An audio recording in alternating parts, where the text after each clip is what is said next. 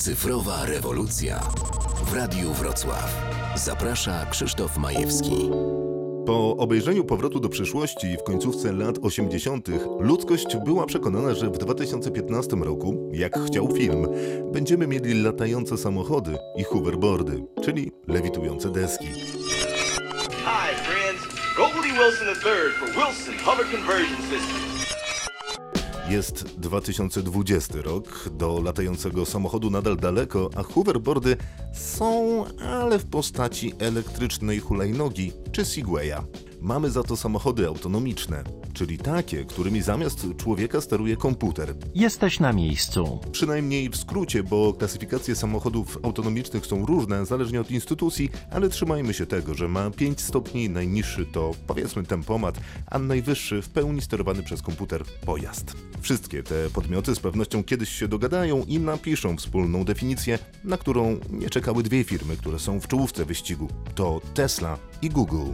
Tesla już w 2016 roku zapowiedziała wprowadzenie autopilota do wszystkich swoich samochodów. Tak się stało. Samochód może być sterowany przez komputer w prawie każdym terenie i warunkach. Z uwagi na brak rozwiązań prawnych, w samochodzie musi być jednak kierowca.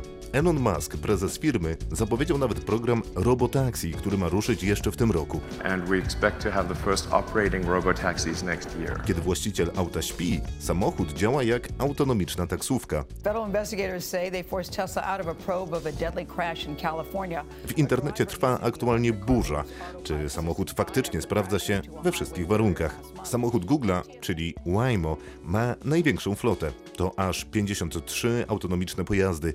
Łącznie przejechały ponad 2 miliony mil. A fully self-driving car, ready to take you where you need to go. W czasie testów doszło do 272 odłączeń systemu autonomicznego na żądanie pojazdu. Dodatkowo 69 było wynikiem interwencji kierowcy. W sumie 13 spośród wszystkich 341 odłączeń systemu nastąpiło w wyniku wymuszonej sytuacji testowej. Obiegowym żartem był wypadek samochodu Google'a.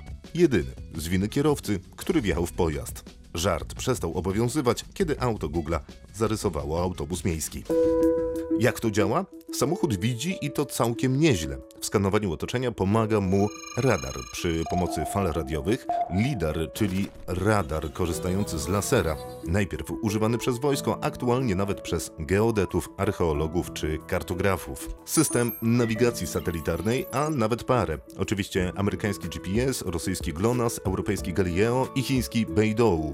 Na pewno zrobimy o tym osobny odcinek cyfrowej rewolucji. Równie ważny jest komputer pokładowy, który podejmie wszystkie decyzje, również te w sytuacjach niebezpiecznych. Najniższe poziomy autonomizacji samochodów to już codzienność. Na seryjną produkcję w pełni samodzielnych pojazdów trzeba jeszcze poczekać. Nie tylko na technologię, ale i na nowe prawo. Wszystkie odcinki cyfrowej rewolucji do odsłuchania na radiowrocław.pl i wszędzie tam, gdzie słuchają Państwo podcastów. Cyfrowa rewolucja w Radiu Wrocław.